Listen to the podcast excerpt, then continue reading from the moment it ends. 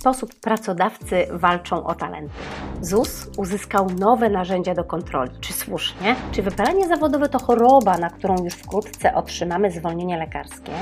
Na czym polegają zmiany w algorytmie podpisu elektronicznego i w końcu dlaczego na mojej głowie jest coraz więcej siwych włosów? To wszystko w najnowszym wydaniu HR Detektywa, to już 43 odcinek, a HR Detektyw to najświeższe informacje ze świata prawa pracy, kalkulacji wynagrodzeń i zasiłków, nowości w orzecznictwie, interpretacjach i stanowiskach resortowych. Ja się nazywam Monika Smulewicz i pomagam specjalistom w osiągnięciu mistrzostwa zawodowego, a pracodawcom i przedsiębiorcom zapewniam spokojny sen. Przypominam, że HR Detektywa możesz również odsłuchać w formie podcastu. News pierwszy. Premia za zmianę firmy. Powrócił rynek pracy pracownika. Pracodawcy mają coraz większy problem ze znalezieniem wyspecjalizowanych i wykwalifikowanych pracowników. Z tego też powodu coraz częściej słyszy się, że pracodawcy oferują premię za zmianę miejsca pracy czy też wyższą stawkę niż obowiązująca u poprzedniego pracodawcy. Walka o pracownika trwa. Pracowników brakuje przede wszystkim w usługach, które bardzo ucierpiały na lockdownach. Osoby, które pracowały w hotelarstwie, gastronomii czy przy obsługie, obsłudze turystyki, poszukały sobie bardziej stabilnych warunków zatrudnienia. Pracodawcy są gotowi podwyższać stawki, dawać ekstra premie, gdyż coraz częściej są w krytycznej sytuacji. Pozycja ekspertów w negocjowaniu wynagrodzeń jest coraz silniejsza. Nie odnosi się to tylko do wyższych stanowisk, ale również do specjalistów w swoim fachu, takich na przykład jak kierowcy czy budowlańcy. Bardzo jestem ciekawa, czy podobny problem jest w Twojej firmie, jakich pracowników brakuje Wam najbardziej. News drugi. Cudzoziemcy na polskim rynku pracy.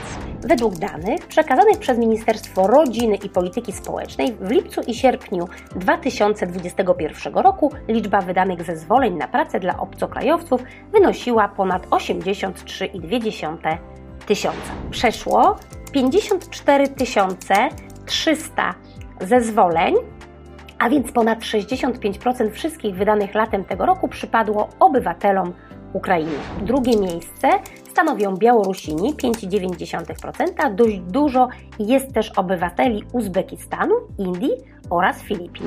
Najwięcej zezwoleń na pracę wydano w województwie mazowieckim, bo aż 16 800, a najmniej świętokrzyskim 700 77. Wzrost liczby cudzoziemców pokrywa się ze wzrostem liczby osób zgłoszonych do ubezpieczeń.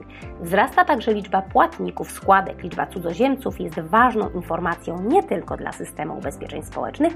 Dane gromadzone w ZUS dotyczące obcokrajowców są ważne również z punktu widzenia całej gospodarki. Tematykę cudzoziemców poruszamy bardzo obszernie, obszernie w Akademii Zatrudnienia Cudzoziemców, która rozpoczęła się dokładnie tydzień temu. Bardzo jestem ciekawa, jak temat zatrudnienia cudzoziemców zaopiekowany jest w Twojej firmie.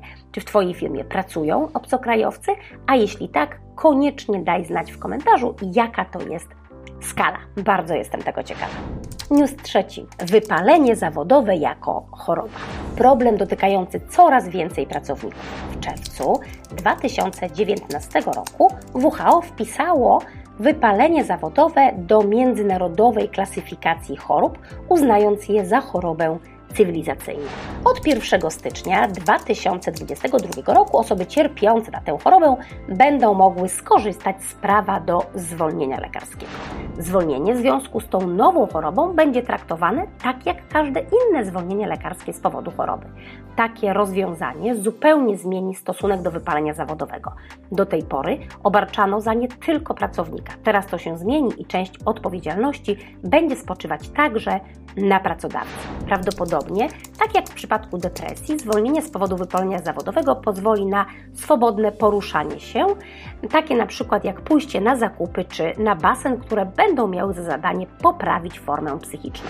Ostateczna forma zmian zależeć będzie od przepisów krajowych ustalonych przez, przez polski rząd. Na szczegóły jeszcze czekamy.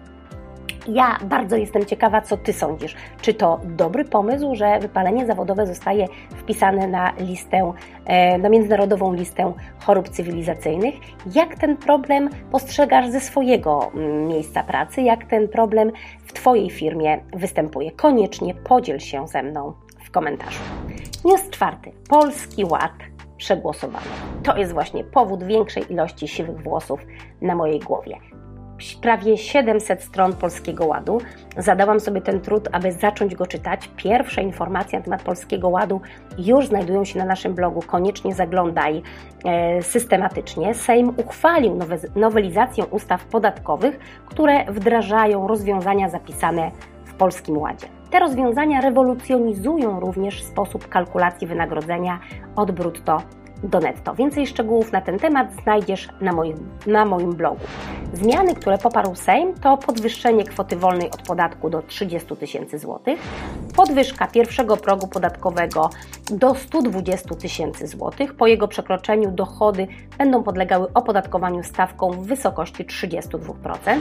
Nowe zasady obliczania składki zdrowotnej, a mianowicie likwidacja odliczenia od podatku części składki zdrowotnej w wysokości 7,75. Ulga dla klasy średniej, dzięki której brak możliwości odliczenia składki zdrowotnej nie zwiększy podatków płaconych przez osoby o dochodach wynoszących od 68 400 do 133 600 zł. Z ulgi dla klasy średniej będą mogli skorzystać zatrudnieni na etacie, ale także przedsiębiorcy rozliczający się na zasadach Wprowadzona zostanie również ulga dla pracujących emerytów. Osoby, które osiągną wiek emerytalny, ale będą nadal pracować i nie będą pobierać emerytury, dostaną dodatkowe odliczenie w kwocie 85 tysięcy złotych. Składka zdrowotna dla przedsiębiorców rozliczanych na podatku liniowym wynosić będzie 4,9%, a nie tak jak pierwotnie zakładano 9%. Ryczałt otrzyma trzy stawki składki zdrowotnej zależnej od przychodów. O tym wszystkim poczytasz również na moim blogu. Ustawa trafi teraz do Senatu. Rząd chce, by weszła w życie od początku 2022 roku. Koniecznie zaglądaj na nasz blog, systematycznie będziemy podrzucać Ci informacje na ten temat. Oczywiście przygotowaliśmy również pakiet szkoleń w tym temacie. Nie zostawimy Cię bez wsparcia, nic się nie martw. News piąty. Nowe narzędzie kontroli dla Zakładu Ubezpieczeń Społecznych. Od 5 października 2021 roku ZUS zyska nowe narzędzie kontroli. Zakład może bowiem kierować osobę przebywającą na L4 na badanie do lekarza orzecznika lub konsultanta. Wszystko po to, by sprawdzić, czy faktycznie pracownik jest chory, a zwolnienie jest uzasadnione.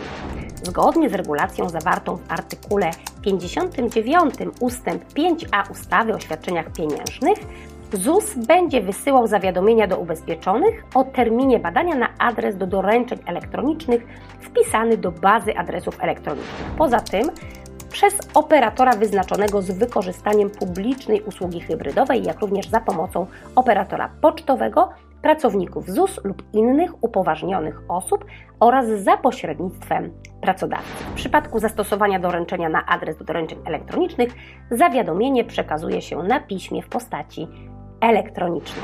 Od 1 stycznia 2022 roku w życie wejdą przepisy rozszerzające uprawnienia ZUS, który będzie mógł również zapytać operatorów komórkowych o okolice, w których do sieci logował się telefon, czy sprawdzenie w banku, w jakich miejscach używana była karta płatnicza ubezpieczonego. Urzędnicy ZUS będą mogli m.in. sprawdzać media społecznościowe pracownika na zwolnieniu lekarskim, a w przypadku wykrycia nieprawidłowości mogą zwrócić się do biura podróży o zweryfikowanie, czy osoba pobierająca środki na L4 w danym czasie przebywała na wakacjach. Dzięki ustawie ZUS będzie miał podstawę prawną również do tego, aby żądać zwrotu świadczenia od pracownika, który w opinii Zakładu Ubezpieczeń Społecznych nienależnie pobrał pieniądze z tytułu zwolnienia lekarskiego lub ubezpieczenia wypadkowego. Pod lupą będą szczególnie ci, którzy pobierają wysokie zasiłki lub są na zwolnieniach lekarskich powyżej 30 dni. No, trzeba przyznać, że ta zmiana jest rewolucyjna, Natomiast biorąc pod uwagę dużą liczbę tak zwanych no, nieuzasadnionych jednak zwolnień lekarskich e, i mm, taką powiedziałabym wręcz lawinową e, falę związaną z wykorzystywaniem czy nadużywaniem uprawnień do świadczeń chorobowych przez pracowników, osobiście uważam tę zmianę za uzasadnioną.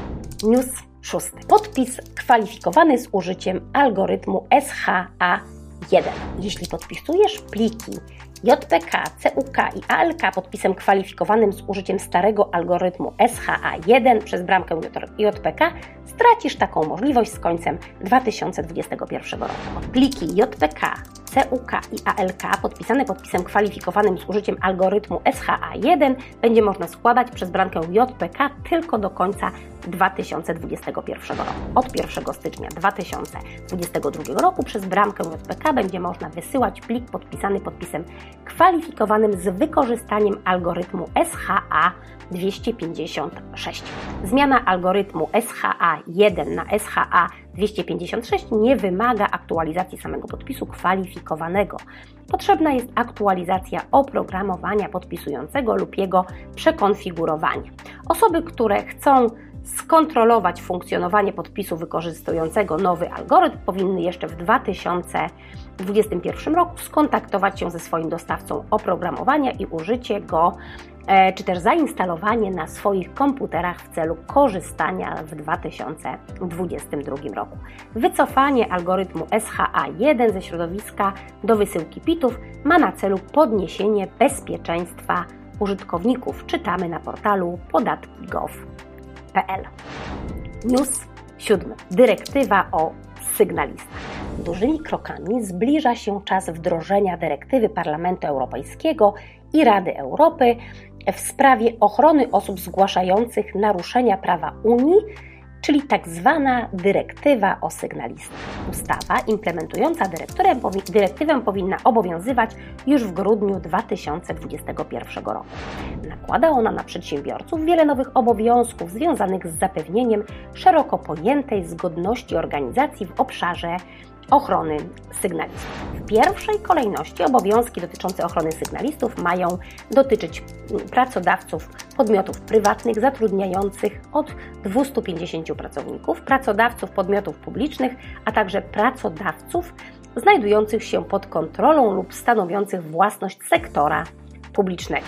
Te podmioty są zobowiązane do wdrożenia odpowiednich mechanizmów raportowania nieprawidłowości już od 17 grudnia 2021 roku, natomiast dla podmiotów zatrudniających od 50 do 249 pracowników okres ten został wydłużony do 17 grudnia 2023 roku.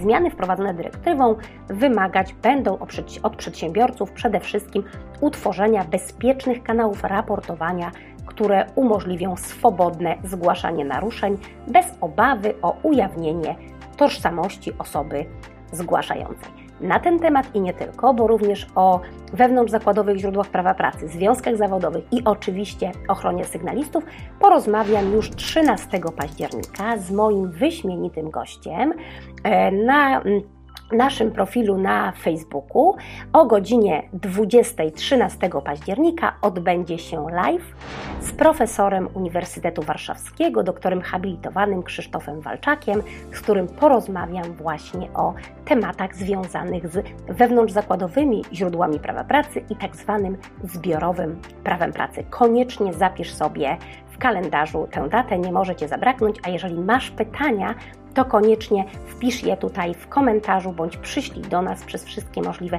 kanały komunikacyjne. Kolejna taka możliwość uzyskania odpowiedzi bezpośrednio od takiego autorytetu może nie zdarzyć się tak prędko. News ósmy. Informacja o przechowywaniu dokumentacji pracowniczej, nowe stanowisko Ministerstwa Rodziny i Polityki Społecznej. Czy obowiązek wydania informacji o przechowywaniu dokumentacji pracowniczej istnieje również wówczas, gdy bezpośrednio po rozwiązaniu umowy o pracę lub w ciągu 7 dni od dnia rozwiązania lub wygaśnięcia poprzedniego stosunku pracy następuje nawiązanie z tym pracownikiem kolejnej umowy o pracę, a pracownik wystąpił z wnioskiem o wydanie świadectwa pracy za zakończony okres zatrudnienia. Co na ten temat Ministerstwo Rodziny, Pracy i Polityki Społecznej.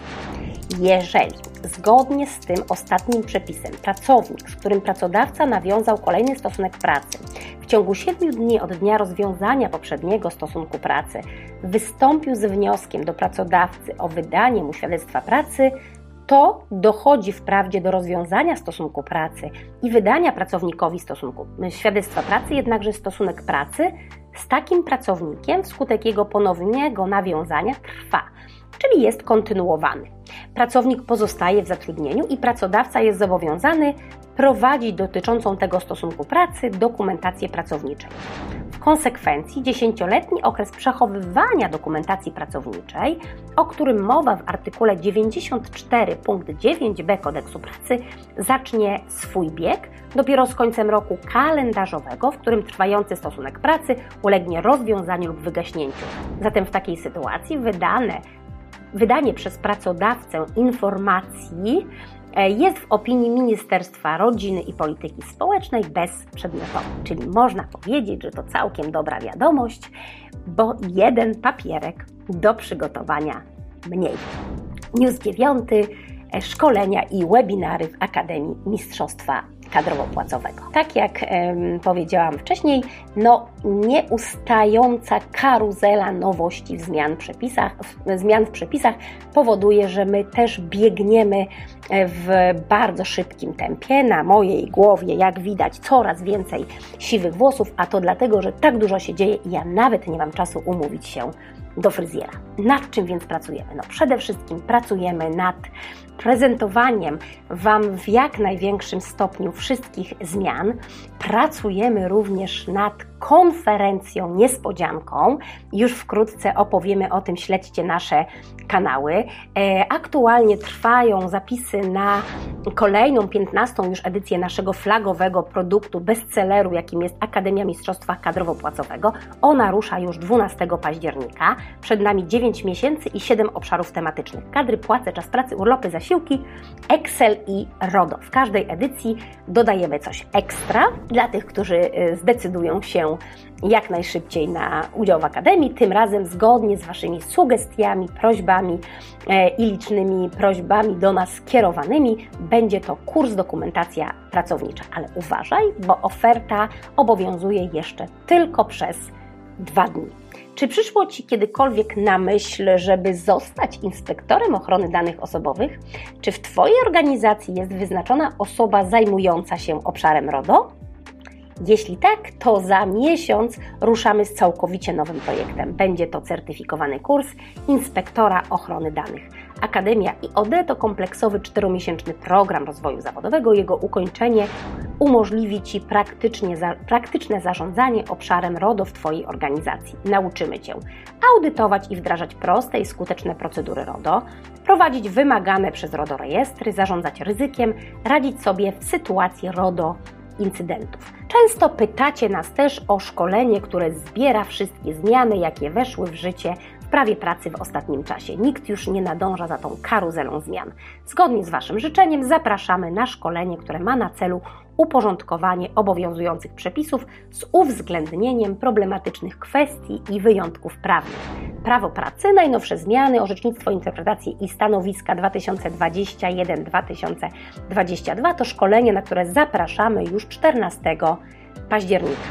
W związku z licznymi zmianami, jakie zapowiedział rząd w Polskim Ładzie, przygotowaliśmy też dla Was szkolenie zmiany w rozliczaniu wynagrodzeń w 2022 roku przewidziane w Polskim Ładzie. Na szkoleniu omówimy m.in. ulgi dla pracowników i zleceniobiorców, podstawę obliczenia podatku według zmian, które wejdą w życie 1 stycznia, pobór zaliczek na podatek przez pracodawcy według nowych zmian, rozszerzony katalog zwolnień podatkowych. Jak widzisz, mnóstwo się dzieje, a my e, w bardzo szybkim tempie biegniemy i staramy się nadążyć za tymi zmianami, dlatego też zapraszamy do współpracy z Akademią Mistrzostwa Kadrowo-Płacowego i Zarządzania Zasobami Ludzkimi niesamowitych ekspertów. Nasze współprace z autorytetami w dziedzinie prawa pracy, kalkulacji wynagrodzeń, RODO, ochrony danych osobowych, zatrudniania cudzoziemców rozszerzają się w błyskawicznym tempie i już niedługo przedstawimy Ci również nowych ekspertów, którzy będą wspólnie dzielić się wiedzą. Pamiętaj również, że jest już do pobrania najnowszy bezpłatny numer magazynu HR na szpilkach. Pobierany jest w tysiącach egzemplarzy. Koniecznie zapisz go sobie również na swoim pulpicie, a jeżeli wolisz formę materiału drukowanego, to oczywiście możesz za symboliczną opłatę zamówić sobie również i na adres domowy wyślemy Ci najnowszy numer magazynu HR na szpilkach. To już wszystkie informacje, które dzisiaj dla Ciebie przygotowałam. Pamiętaj też o tym, że 13 października będzie niesamowite spotkanie z profesorem Krzysztofem Walczakiem, czyli za tydzień nie będzie odcinka HR po ludzku, zamiast HR po ludzku będzie live dotyczący zbiorowego prawa pracy, ochrony sygnalistów i wewnętrznych źródeł prawa pracy. Z moim, jeszcze z czasów studenckich, guru z zakresu prawa pracy. Niesamowitym profesorem z niesamowitą, wielką charyzmą, ogromną wiedzą i dużą, dużą dozą pokory. Bardzo lubię współpracę z takimi osobami. Jest to dla mnie niezwykły zaszczyt, że profesor zgodził się przyjąć moje zaproszenie do O kadrach i płacach z pasją TV. Czyli do zobaczenia za tydzień e, i już o godzinie 20 będziemy zgłębiać tajniki e, wewnętrznych źródeł prawa pracy, ochrony sygnalistów i zbiorowego prawa pracy. Dobrego dnia, dobrego wieczoru i do zobaczenia za tydzień.